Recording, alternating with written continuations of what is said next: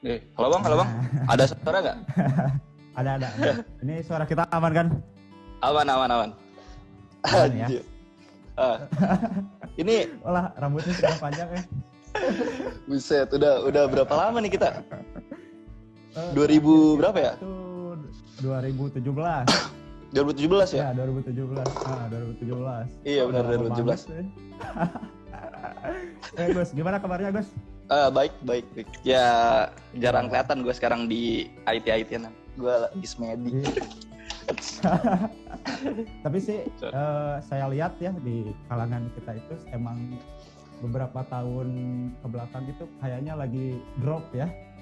Apa tuh? Gak, gak, gak terlalu aktif gitu. Biasanya kan event gembar-gembor. Oh iya iya benar-benar. Ah, sekarang pokoknya terakhir kali gue seminar itu waktu di Depok ya. Setelah itu mulai berkurang Oh, tuh. Ya benar ya? yang maraton. Habis itu kayaknya apa namanya? Tensinya berkurang tuh yang ngadain seminar. Nggak tahu ya, bosan kali mereka. Bosan. Iya, iya, iya. Sekarang iya, iya. kenapa nggak ini aja bang? Nggak bikin webinar aja. Kayaknya kalau kita bikin webinar amin. Iya sih sebenarnya cuman eh, tim kita tuh lebih streknya kalau materi nih, materi yang teknis gitu lebih Ah. ke offline. Heeh. Soalnya Oh kan lebih langsung kita, ya. Heeh, soalnya kita lihat dari event-event yang saat ini digelar webinar gitu ya konsepnya Hmm. eh, online kayaknya kurang efektif deh meskipun emang Masa efektif cuman gak 100 gak 100% efektif gitu ya Kalau kalau gue, kan- ah kenapa bang? Kenapa? gimana gimana Nah, kalau gue sih, kan, kalau gue yang gue harapin dari apa namanya seminar offline gitu ya, sebenarnya gue Hmm. pengen snacknya doang sih. ya kalau webinar kan, webinar kita bayar atau enggak kan nggak ada snacknya sama aja bang. Iya, Iya, kita ngeliatin materi doang ser- bosen. Heeh. sertifikat juga PDF ya kalau ada Iya, sertifikatnya juga PDF. Ya, harus di print sendiri. Iya. Iya iya iya. Gus, eh, sekarang sibuk apa? Lagi Eh, sibuk gue sendiri cuman ini sih bang kerjaan doang. Selama ini eh, masih fokus di ini aja. Apa namanya coding coding aja sih. Gue udah jarang banget explore hacking sebenarnya. Cuman ya Ya. karena ini kan materinya cuman ngulik doang ya. yang Iya. gue iya, aja gue ya sam- sampai lupa loh gue ngebawain web application security berapa kali gue. karena udah sering Iya, gitu iya, kan, iya. udah sering gitu. Iya. Iya. Iya. Gimana bang? Kita mulai dari mana nih? Eh, kan kita nanti ada dua sesi ya, ada yang materi dulu sama sharing story. Kayaknya materi dulu deh. Mending Materi, dulu aja ya. siap siap. Cuman dah. eh, Nih gua gua gua udah nyiapin template nih, gua udah nyiapin template ya. Iya, karena ya kalau gua inget-inget kan lupa ya. Jadi daripada Iya, itu kan iya, gua siapin aja lah. Iya. Iya iya siap siap. Oke, yang pertama nih. Eh seberapa penting sih buat lo Hmm. sendiri eh, masalah di keamanan dalam sebuah website aplikasi itu?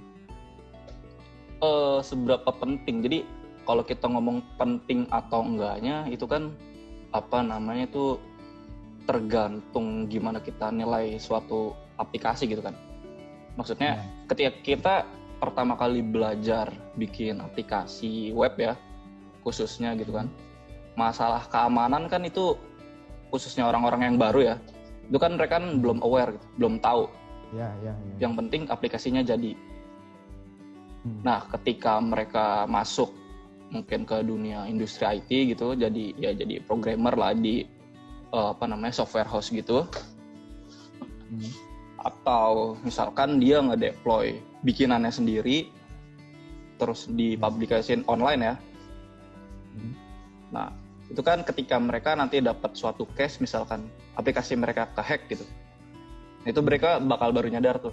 Ternyata ada aspek lain yang harus mereka apa namanya harus mereka penuhin gitu, aspek keamanan. Ternyata Iya, iya. ketika kita bikin aplikasi kita butuh aspek keamanan.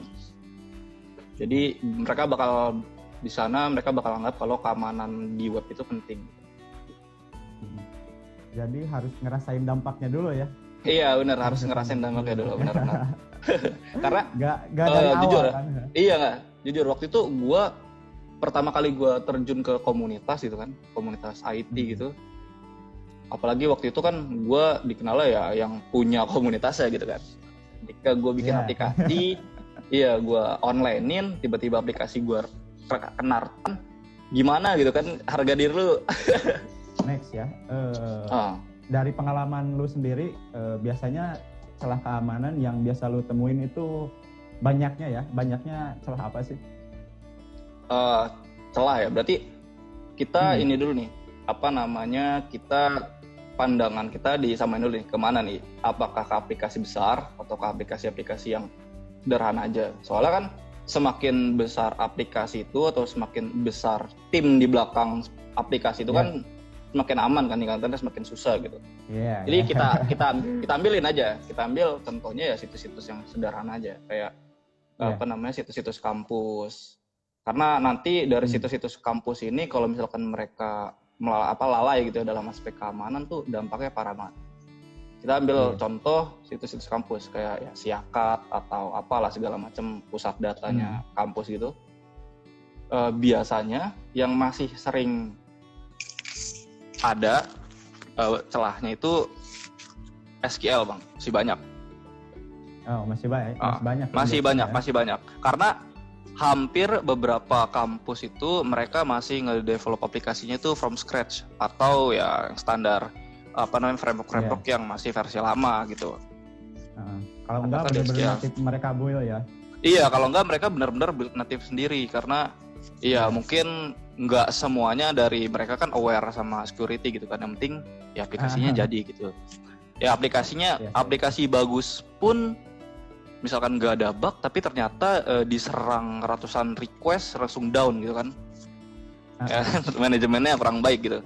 Uh, jadi uh, yang selama ini gue apa namanya gue sering temuin ya kalau kasusnya hmm. situs-situs kampus kayak gitu uh, apa namanya paling SQL terusnya ada misconfiguration di situ misalkan mereka udah pakai Laravel nih pakai Laravel hmm. ataupun yang lainnya mereka mengabaikan security guide-nya atau uh, dokumentasi tentang keamanannya kayak misalkan yeah. ya konfigurasinya bisa kelihatan ataupun mereka tuh mengabaikan environmentnya yang seharusnya kan kalau misalkan kita deploy aplikasi itu kan environmentnya harusnya production ya karena yeah.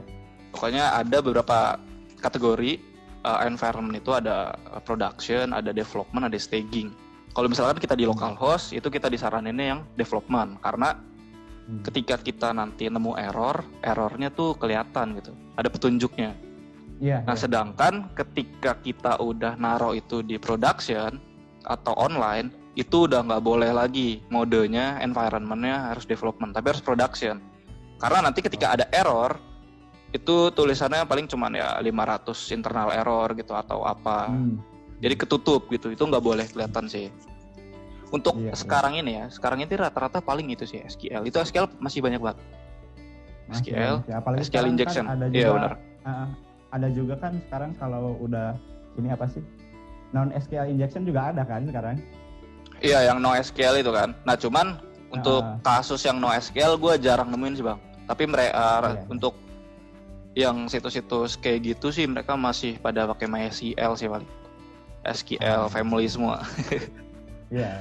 Iya kan kalau kalau kita acuannya ke NoSQL ya ada, cuman kan produknya yeah. biasanya kalau yang produk NoSQL itu kan situs-situs besar gitu loh. Jarang yeah. ataupun developer-developer yang memang udah paham tentang modern stack gitulah pasti mereka backendnya yeah, yeah. JavaScript ya kan Express bukan lagi mainan PHP nah, biasanya gitu nah, itu yeah, udah yeah. udah advance gitu iya iya oke nah e, misalnya kan e, kita nemu nih ada sebuah bug hmm. SQL injection tadi ya nah hmm. dampaknya sendiri itu biasanya ke apa sih Ke mana nah gitu dampak ke, nah tadi kenapa gue ambil sampelnya uh, situs kampus karena mm-hmm. ke kalau misalkan di sini ada yang belum paham tentang web security ya secara eh, basicnya apa sih itu SQL maksudnya adalah misalkan nih kita ada halaman login kampus ya siakat gitu atau apalah mm. atau LMS gitu kan atau login mm. siapa pun yang bukan mahasiswa ataupun ya anggaplah hacker gitu ya penyerang yes. itu bisa masuk bukan cuma bisa masuk tapi kita bisa ngedam atau ngambil seluruh informasi yang ada di databasenya. Nah, yeah. karena cache kita adalah situs kampus, alhasil banyak sekali bakal data yang bocor. NIM, hmm, yeah, yeah. nama lengkap, nomor telepon, biodata. Nah, itu udah banyak sekali kasus-kasus situs kampus yang kebobolan kayak gitu. Jadi kalau misalkan, yeah. misalkan gue pengen masuk ke salah satu kampus A gitu kan, gue pengen apa namanya, gue pengen ngerencanain nih ke depannya, gue pengen gampang banget nyari orang. Jadi ketika ada orang yang songong ntar di kampus gitu, gue gampang gitu ngedoxingnya kan. Gue tahu alamatnya di ya, mana yeah, macam-macam. Iya gitu. Jadi udah dari dari celah yang nggak mungkin orang sebagian orang tuh nggak kepikiran bakal kayak gitu tuh itu bahaya banget efeknya apalagi situs-situs yeah. yang atau aplikasi yang udah datanya banyak. Ya kayak situs kampus sekolah gitu kan. Hmm. Uh, hmm. parah ya. Itu bisa berbagai macam sih tergantung ya. Ya mungkin Apalagi kita bisa modifikasi uh, uh, uh apalagi nah, kita bisa modifikasi database-nya juga kan nah nah itu nah itu ya kan nah, kita bisa ngubah nilai orang itu kita joki sini iya. nilai lo mau gue ubah nggak iya kan memanipulasi kan manipulasi, manipulasi yang uh, apalagi kalau udah jatuhnya di situs pemerintah kan biasanya kan di situs yeah. pemerintah data-data ya, pentingnya yeah. terkait uh. nik alamat lengkap lah segala nah, nah cuman keluarga. untuk yes. untuk kalau cashnya situs pemerintah sekarang nih pemerintah nih situs-situsnya udah mulai banyak maju nih. Udah mulai. Ha, enggak semua iya udah mulai. Situs-situs yang tadinya gampang kena hack sekarang udah pada di upgrade nih. Stacknya udah pada yeah. modern semua. Yang tadinya pada natif sekarang pindah ke framework semua. Eh gue gue udah iya. pernah gue udah pernah apa namanya nganalisa beberapa situs pemerintah kan gitu gue cek cek. Ternyata emang udah ada iya udah ada upgrade gitu dari mereka tuh. Ada yang udah pakai stacknya JavaScript React.js tuh udah udah lumayan lah. Yeah meskipun ya mungkin situs-situs yang nggak keurus ya masih ada gitu kan situs hmm. nggak keurus itu kan kadang dibiarin tuh sama mereka biarin sampai mati aja gitu servernya banyak server mereka banyak sampai oh. sampai lupa ini naruhnya di mana iya iya, iya. Hmm. Eh Gus, lu kan nyampe sekarang uh, ngoding-ngoding masih di web ya mainnya? Iya, uh, fokus gue sih di web. Masih di web ya? Hmm. Di web ya. Uh, nih, kalau lu sendiri misalnya ngebuild apps ya, terus biasanya untuk mengaudit keamanan kan pasti biasanya pakai-pakai tools tuh. Nah, biasanya lu pakai ya. uh, tool-tool apa aja? Kalau gue sendiri sih buat ngaudit itu gue pakai analisa manual sih. Pertama, hmm. gue cari tahu dulu uh, di mana sih letak yang kemungkinan ada bugnya gitu. Analisa dulu hmm. gitu. Misalkan di suatu fitur atau di suatu apa gitu, itu gue langsung cek langsung gue cek di situ. Nah tapi kalau hmm. misalkan itu kalau misalkan kita ambil contoh situsnya yang sederhana aja, gimana kalau situsnya banyak gitu fitur? Begitu kita nggak mau capek kan? Itu ada beberapa hmm. uh, tools atau apa namanya alat lah ya buat uh, vulnerability assessment namanya. Jadi ada kayak Nessus, ada Kunetix hmm. itu yang automation. Jadi ntar kita tinggal nerima reportnya apa tapi itu bukan hmm. jadi acuan bahwa itu bug yang sebenarnya karena itu bisa jadi false ya. positif. Ya, ya kan? Kadang itu ya, cuman ya. ya itu cuman indikasi doang padahal sebenarnya enggak gitu. Hmm. Nah, itu kita bisa cross check lagi sih. Saya ujung-ujungnya sih manual. Kita tetap ya. cek cek manual kan ini bener nggak sih ada bugnya gitu. Kan kadang ada orang ya. yang pada dia nge-scan modal nge-scan nggak tahu apa yang dia lakuin nge-scan aja deh pokoknya Iya, iya. ya kan langsung dilaporin, "Bang, ini ada ada bugnya nih." Padahal mereka nggak tahu itu apaan sih itu bener nggak sih ada bugnya? iya, tetap iya, harus di ujung-ujung. Iya, soalnya kan kalau nemu bug itu bugnya valid atau enggak, seenggaknya kita coba exploit dulu kan. iya benar. Seenggaknya uh, kita benar ada proofnya gitu loh ternyata benar nih. Iya. Jangan hasil dari apa namanya automation tools tuh dijadiin acuan ini ngebug gitu. Tetap yeah. kita butuh analisa manual. Ya kalau selain itu ya, selain itu yang paling yang paling populer sekarang sih Burp Suite itu juga lagi banyak hmm. dipakai. Nah, banyak-banyak tools-tools lain sih, cuman jatuhnya tergantung nih. Kadang kalau kita mau ngecek apa namanya atau pentest ya, ngaudit hmm. itu kan kita lihat dulu. Kalau misalkan pentest atau bug bounty ada toolsnya sendiri ataupun ya yeah. kalau kita ngaudit sendiri ya pakai vulnerability assessment aja. Kalau scope-nya itu luas gitu, nggak mau capek. Tapi ya ujung-ujung kita tetap manual harus ada apa namanya harus ada pengetahuan pengalaman lah gitu kalau yang benar-benar cuma bisa ngoding nggak bisa sih kayaknya ngaudit keamanan. Mereka pasti bingung. Pasti mas, pasti mereka nanya gitu. Emang kenapa sih iya, aplikasi yeah, yeah, gitu? Iya. Iya iya iya. Orang nggak kenapa kenapa kok dipermasalahin gitu kan? Gak taunya ada bug ya banyak. Iya iya iya. Iya. Oke, nih buat teman-teman yang di sini yang baru belajar, Gus bisa kasih referensi nggak uh, uh. tempat atau misalnya buku atau apalah buat referensi pembelajaran yang bagus tuh? Uh, jadi uh, apa namanya buat orang-orang yang awam gitu ya tentang security hmm. web, uh, dimulainya dari mana? Jadi uh, kalau misalnya kita ngegunain uh, framework gitu, itu kan ada dokumentasi tentang security guide-nya ya, atau dokumentasi yeah. tentang keamanannya gitu. Nah itu kita yeah. kita ikutin dokumentasinya. Jangan ketika kita mau bikin aplikasi ya udah gitu. Cuman ngelihat hmm. satu tutorial. Padahal di dokumentasinya banyak sekali uh, tutorial-tutorial hmm. apa namanya yang udah harus dilakukan gitu ya. Wajib gitu. Yeah. Nah terus ya apa namanya itu dari satu ini doang.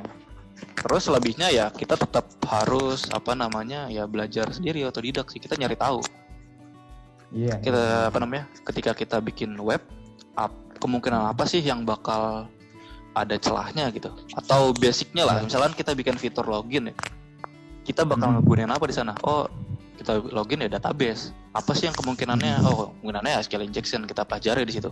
Gimana sih cara patchingnya ya kita cari tahu, gitu kan? Ya iya, iya. ada sih kalau referensi utamanya ya tetap Google ya atau YouTube sih sebenarnya yeah. ya kita tinggal searching aja ya kan kita tentang ya web security web security fundamental atau apa pun lah ya kan hmm. kita ntar dikasih referensinya celah yang kayak gini tuh apa namanya awal mulanya kayak apa impactnya kayak gimana dan patchingnya atau perbaikannya kayak apa itu ada sih tetap oh, Google sama iya, iya. sama ini ya iya. apa namanya kalau pokoknya setiap kita bikin aplikasi atau coding lah ya itu kan hmm. kadang suka-suka kita ya nggak ada standar ya iya sih yeah, yeah. suka-suka kita aja yeah. gimana kalau yang ngerjain aplikasi itu 10 orang atau 20 orang atau banyak kan yeah. mesti ada SOP-nya kan harus ada yang namanya standarnya gitu loh nah ya, ya, ya. ya kan kita harus ngikutin standarnya juga terusnya di situ tuh ada apa namanya uh, namanya tuh best practice jadi misalkan yeah. ketika kita ngebuat uh, suatu uh, apa namanya kita nge-coding lah ya suatu fitur ataupun apa hmm. gitu. Itu tuh harus sesuai best practice jadi itu banyak faktor ntar dari performan ada dari performanya atau keamanannya dan lain-lain. Itu harus di apa namanya harus diperhatiin juga sih. Iya iya. Oke. Okay. uh, eh, terakhir nih terakhir dari kalau bahas-bahas materi ya yang terakhir ini. Nah, uh, bisa kasih ini? bisa bisa kasih tips gak uh, kalau misalnya ini nih saya programming terus pengen ngamanin aplikasi saya. Oh. Kasih tips gak sih? Uh, apa sih tips-tips atau cheat-sheet dari lo sendiri dalam mengamankan uh, aplikasi web? Tergantung. Kita mau bikin stacknya kayak apa dulu nih?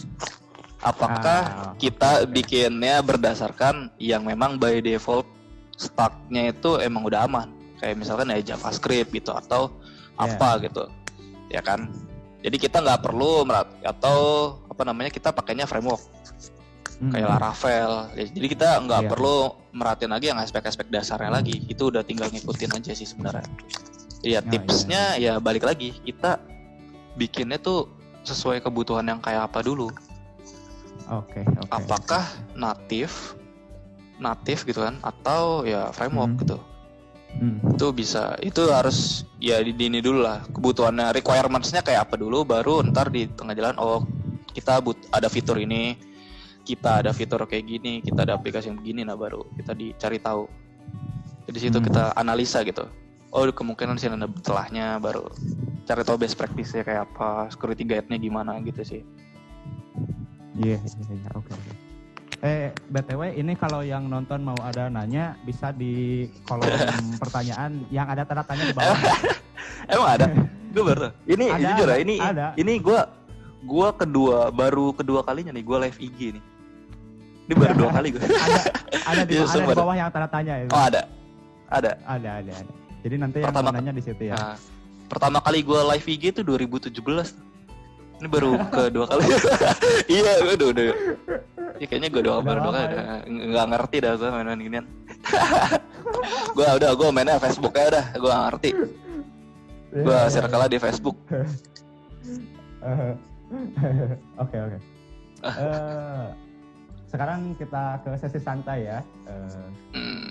ngobrolin tentang lu sendiri. Lu pertama kali dulu, pertama kali tertarik untuk terjun di dunia IT itu karena apa sih pemicunya?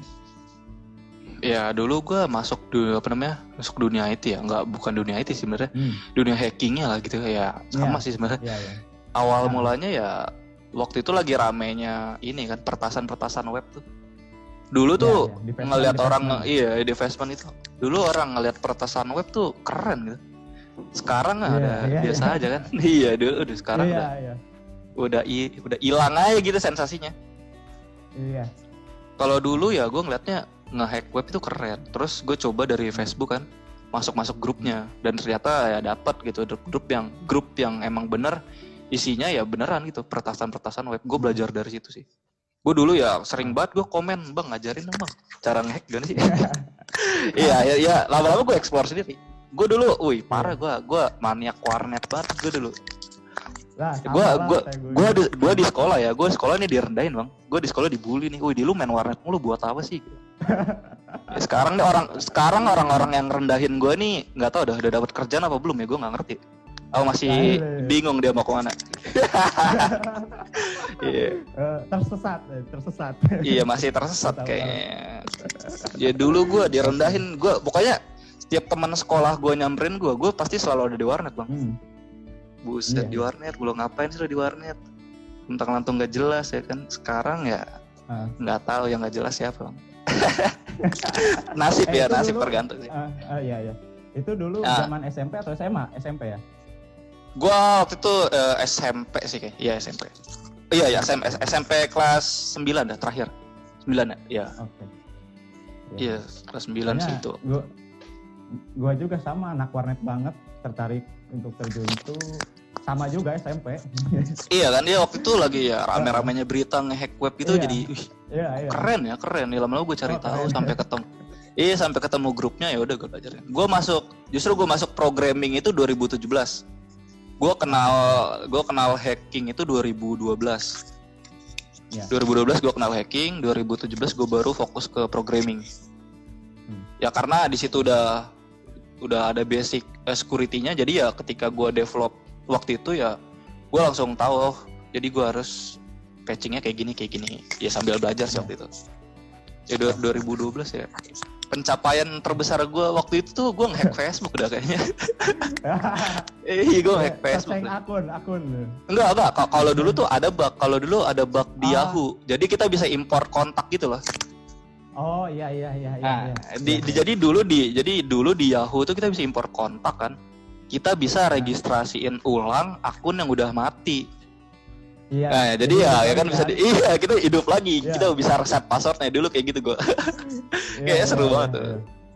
Iya. Lama-lama bosen kan.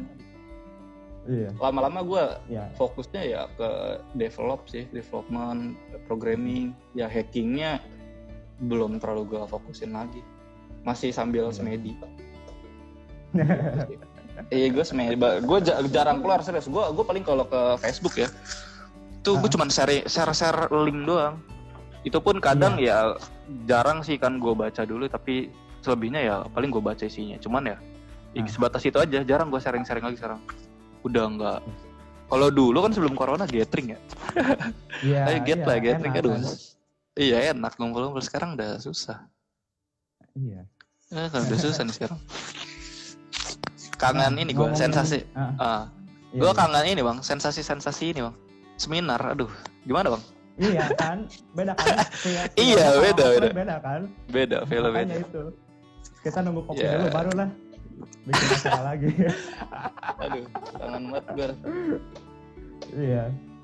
Eh, Gimana, oke. gimana, Bang? Tadi lanjut, Bang. Ngomongin- ngo- ngomongin tentang lu sendiri kan erat kaitannya sama Indo Exploit ya. Hmm, hmm. Ini tuh dulu awalnya gimana sih bisa ada Indo Exploit? Eh, dulu tuh ini, dulu tuh di exploit tuh tim hacking bang, bukan komunitas IT yang kayak sekarang tuh. Iya, iya. Jadi dulu awalnya tuh gue masuk ya tim hacker orang lah. ya dulu kan banyak Iya. ya tim-tim hacker di Facebook Iya, tuh iya. gue masuk karena iya gue gue masuk sana sini lah gue nyari ilmu gitu kan Iya. nah lama-lama ya udah gue gue pengen coba gue pengen bikin tim sendiri dah nah isinya waktu itu tuh tim gue tuh isinya ini tim-tim yang udah lama vakum orang-orangnya tuh gue jadiin satu di situ jadi kayak ya setengah powerful lah karena isinya orang-orang lama iya Gua kumpul. veteran. iya veteran sih ya kan Iya, iya. kumpul-kumpulin nah gitu sih jadi aw- awalnya ya tim hacking pokoknya sempat ada perubahan nama di 2015 kalau nggak salah seingat gue ya Hmm. apa 2000 2000 berapa gitu pokoknya awalnya namanya tuh Indo Exploit Coders Team ada Coders Team ya Hmm. karena dulu waktu itu ya dulu waktu itu tim Dives tim Dives yang Hmm. hampir membernya bisa coding itu di Indo Exploit yang wak- waktu itu ya waktu itu kan ya tim-tim kayak besarnya udah mulai turun tuh udah mulai nggak kelihatan kan ada tim-tim baru yang Iya. cuma bisa di doang jadi gua bikin di situ yang isinya ada orang yang bisa coding. Jadi gue tambahin coders tim itu agak agak meninggi dikit sih waktu itu. Oke, oke. ya gitu ya. Jadi waktu itu terus eh, gua apa namanya gua iniin untuk berubah. Jadi ya gue hilangin aja coders tim ya. Jadi Indo Exploit doang. Iya. ya yang isinya ya Iya. udah tentang full IT gitu. Jadi gue bisa nyerap ilmu dari Hmm. siapa aja dari mana aja sih. Iya, iya. jadi kayak ya jadi komunitas besar gitu sih Iya. Iyalah sekarang itu salah satu di Indonesia ya salah satunya Exploit kalau Eh, enggak, kalau- ya. kalau bilang terbesar di Indonesia kayaknya gue masih belum berani dah ya tapi yang ak- yang Iya. aktif ya yang aktif gitu Iya, yang yang aktif. aktif. Yang aktif ya. ya. yang aktif Pemilihan aja ya kalau terbesar beda ya. oh, bilang katanya beda ntar takutnya kan gue di kalau gue di gas sepuh kan gue juga nunduk bang jangan lah hati-hati Iya, aja iya, hati-hati Iya, iya. Iya, iya, iya. yang aktif Oke. lah gitu kan Ya, oke, oke, oke. Oke, dari kita sih itu pertanyaan terakhir tadi bentar dari yang nonton ya. oh di di sana ada bang kelihatan yang, yang nanya tuh ada Ada- di sini, ada. kelihatan. Tadi gue nggak ada, Ada penasaran yang nanya siapa nih. Dari ini yang pertama ya, dari Kiki Ofukin As. Eh, kapan ada meet and greet Indo Exploit lagi? Eh, abis corona lu kalau meet and greet sekarang lu mau diludahin orang, nah virus lu ntar. iya lah, abis, abis corona lah, nah, Iya. meet and greet. Meet and greet kan tuh. Di, di Monas ya, Ih, asli dulu tuh. Awal-awal Oh, gatheringnya iya. di Monas coy. Seru ya kan. Ah, ah, ah. Iya. Nah, foto lu yang di poster juga itu yang di Monas kan? Iya itu di Monas tuh 2017 tuh foto gue. Gue pakai aja di mana-mana kan. Soalnya gue nggak pernah foto-foto, nggak ada yang bagus itu aja lah. Nggak ada lagi, Iya, gue juga iya, bingung. iya. Oke, next ada dari Rahma A-nya 428. Eh, Hmm. update API Indo Exploit, Bang. Oh iya, gue aduh gue belum sempat ngurus itu lagi ya. Itu gue matiin, gue gak shutdown servernya tuh. Gue belum sempat Ah. ngurus lagi. Ntar ya, ntar gue update. Oke, oke. Terus dari siapa ini terakhir? Putri Putri Li EAMR. Kenapa namanya Indo Exploit? eh kenapa namanya expert? Jadi waktu itu gini loh. Ada orang yang jadi ini apa namanya kayak pelopornya gitu. Gue bikin nama Indo Exploit. Jadi Hmm. waktu itu ketika. Lagi apa namanya di era 2012 gitu kan. Hmm. Apa terusnya waktu itu tuh tools tools itu masih mencar-mencar. Jadi ada yang Ah, bikin iya. versi CLI-nya gitu, Python, PHP Hmm. dan itu mencar semua. Nah, gue mikir waktu itu Ya. gimana kalau gue bikin pertama kalinya situs auto exploiter online. Jadi orang kalau mau Hmm. exploit situs kayak WordPress, Joomla ya waktu itu Joomla ataupun apa pun, itu tinggal buka link Hmm. Indo Exploit doang, itu tinggal masukin linknya. Ntar otomatis Ya, auto exploit. Itu itu awal, awal mulanya kenapa nama Indo Exploit ya? Itu gabungan Indonesian exploiter sebenarnya sih dulu ya. Ah iya. Ya itu sebenarnya Iya, gue iya, pengen iya. kayak gitu karena waktu itu gue pengen nyiptain uh, web tools online gue sendiri. Jadi gue kalau mau exploit satu web itu tuh tinggal uh, automation jadi tinggal masukin aja nggak perlu otak atik CLI-nya yang mana. Oke oke. Itu sih. Langsung itu gabung aja itu. Ya. iya. Itu sebenarnya sebenarnya pelopornya sebenarnya pelopornya tuh ada dua orang cuman yang satunya nggak nggak ngikut nggak lanjut. Udah gue gerakin sendiri aja. Oke, oke. waktu itu skill coding gue tuh masih terbatas bang. 2012 tuh. Eh Hmm. pokoknya terbatas banget. Baru bisa PHP HTML doang gua. PHP HTML CSS itu juga setengah-setengah. Iya. iya kalau Iya, iya, kodenya juga kebanyakan duh kode-kode orang itu kan gue gabung-gabungin ya. Iya, sampai iya, iya. awal mula banget tuh. Oke, oke lah. Bentar, ada lagi nggak yang dan ya? Oh ini nih ada satu lagi ternyata. Indo Exploit, oh, Indo Exploit open member gak bang dari Show of 14? per member waduh anjing itu per member udah kayak tim apa apa enggak ya kalau misalkan apa namanya kalau buat masuk ya lu join join aja lah gue nggak nggak join aja udah join aja ke grupnya gitu. Iya. Ke open member tuh kayak apaan anjing?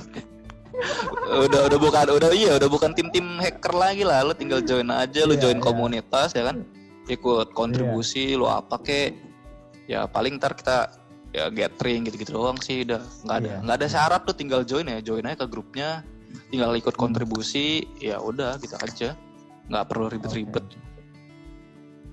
Oke, oke. Itu mungkin terakhir. Agus, thank you udah gabung Eh, dengan kita siap. ngobrol-ngobrol kali siap bang ini. siap bang aduh ah siap Eh, Aduh. Sebenarnya banyak sih yang pengen Apa? ditanyain, cuman ya waktunya kita ini, aduh, maklum agak sibuk ya. Jadi mungkin next time kita bisa ngobrol-ngobrol lagi. Oke, thank you. ini bang gue apa kalau bisa ini bang materinya Apa? gue yang ituin gue yang ituin termaterinya Ah, Ya, so- oke. soalnya, Siap, eh, soalnya gue udah agak lama nih semedi di dunia development gue pengen sedikit sharing yang lain sih ya gue kalau nulis artikel males gue jadi ya langsung aja lah Iya. Ntar lah, Ngobrol ntar ya. info-infoin. Iya, info-infoin aja bang. Ah, siap, siap, siap, siap. Oke. Ah, Ya, thank you, Siap. thank you Gus. Eh, thank, Thank you you ya, thank you. yang Ya. udah nonton, yang udah join live bareng kita. Sampai ketemu lagi di kesempatan berikutnya. Oke, thank you Gus. Bye Gus. Yo, you bang, siap. Thank you, thank you. Thank you.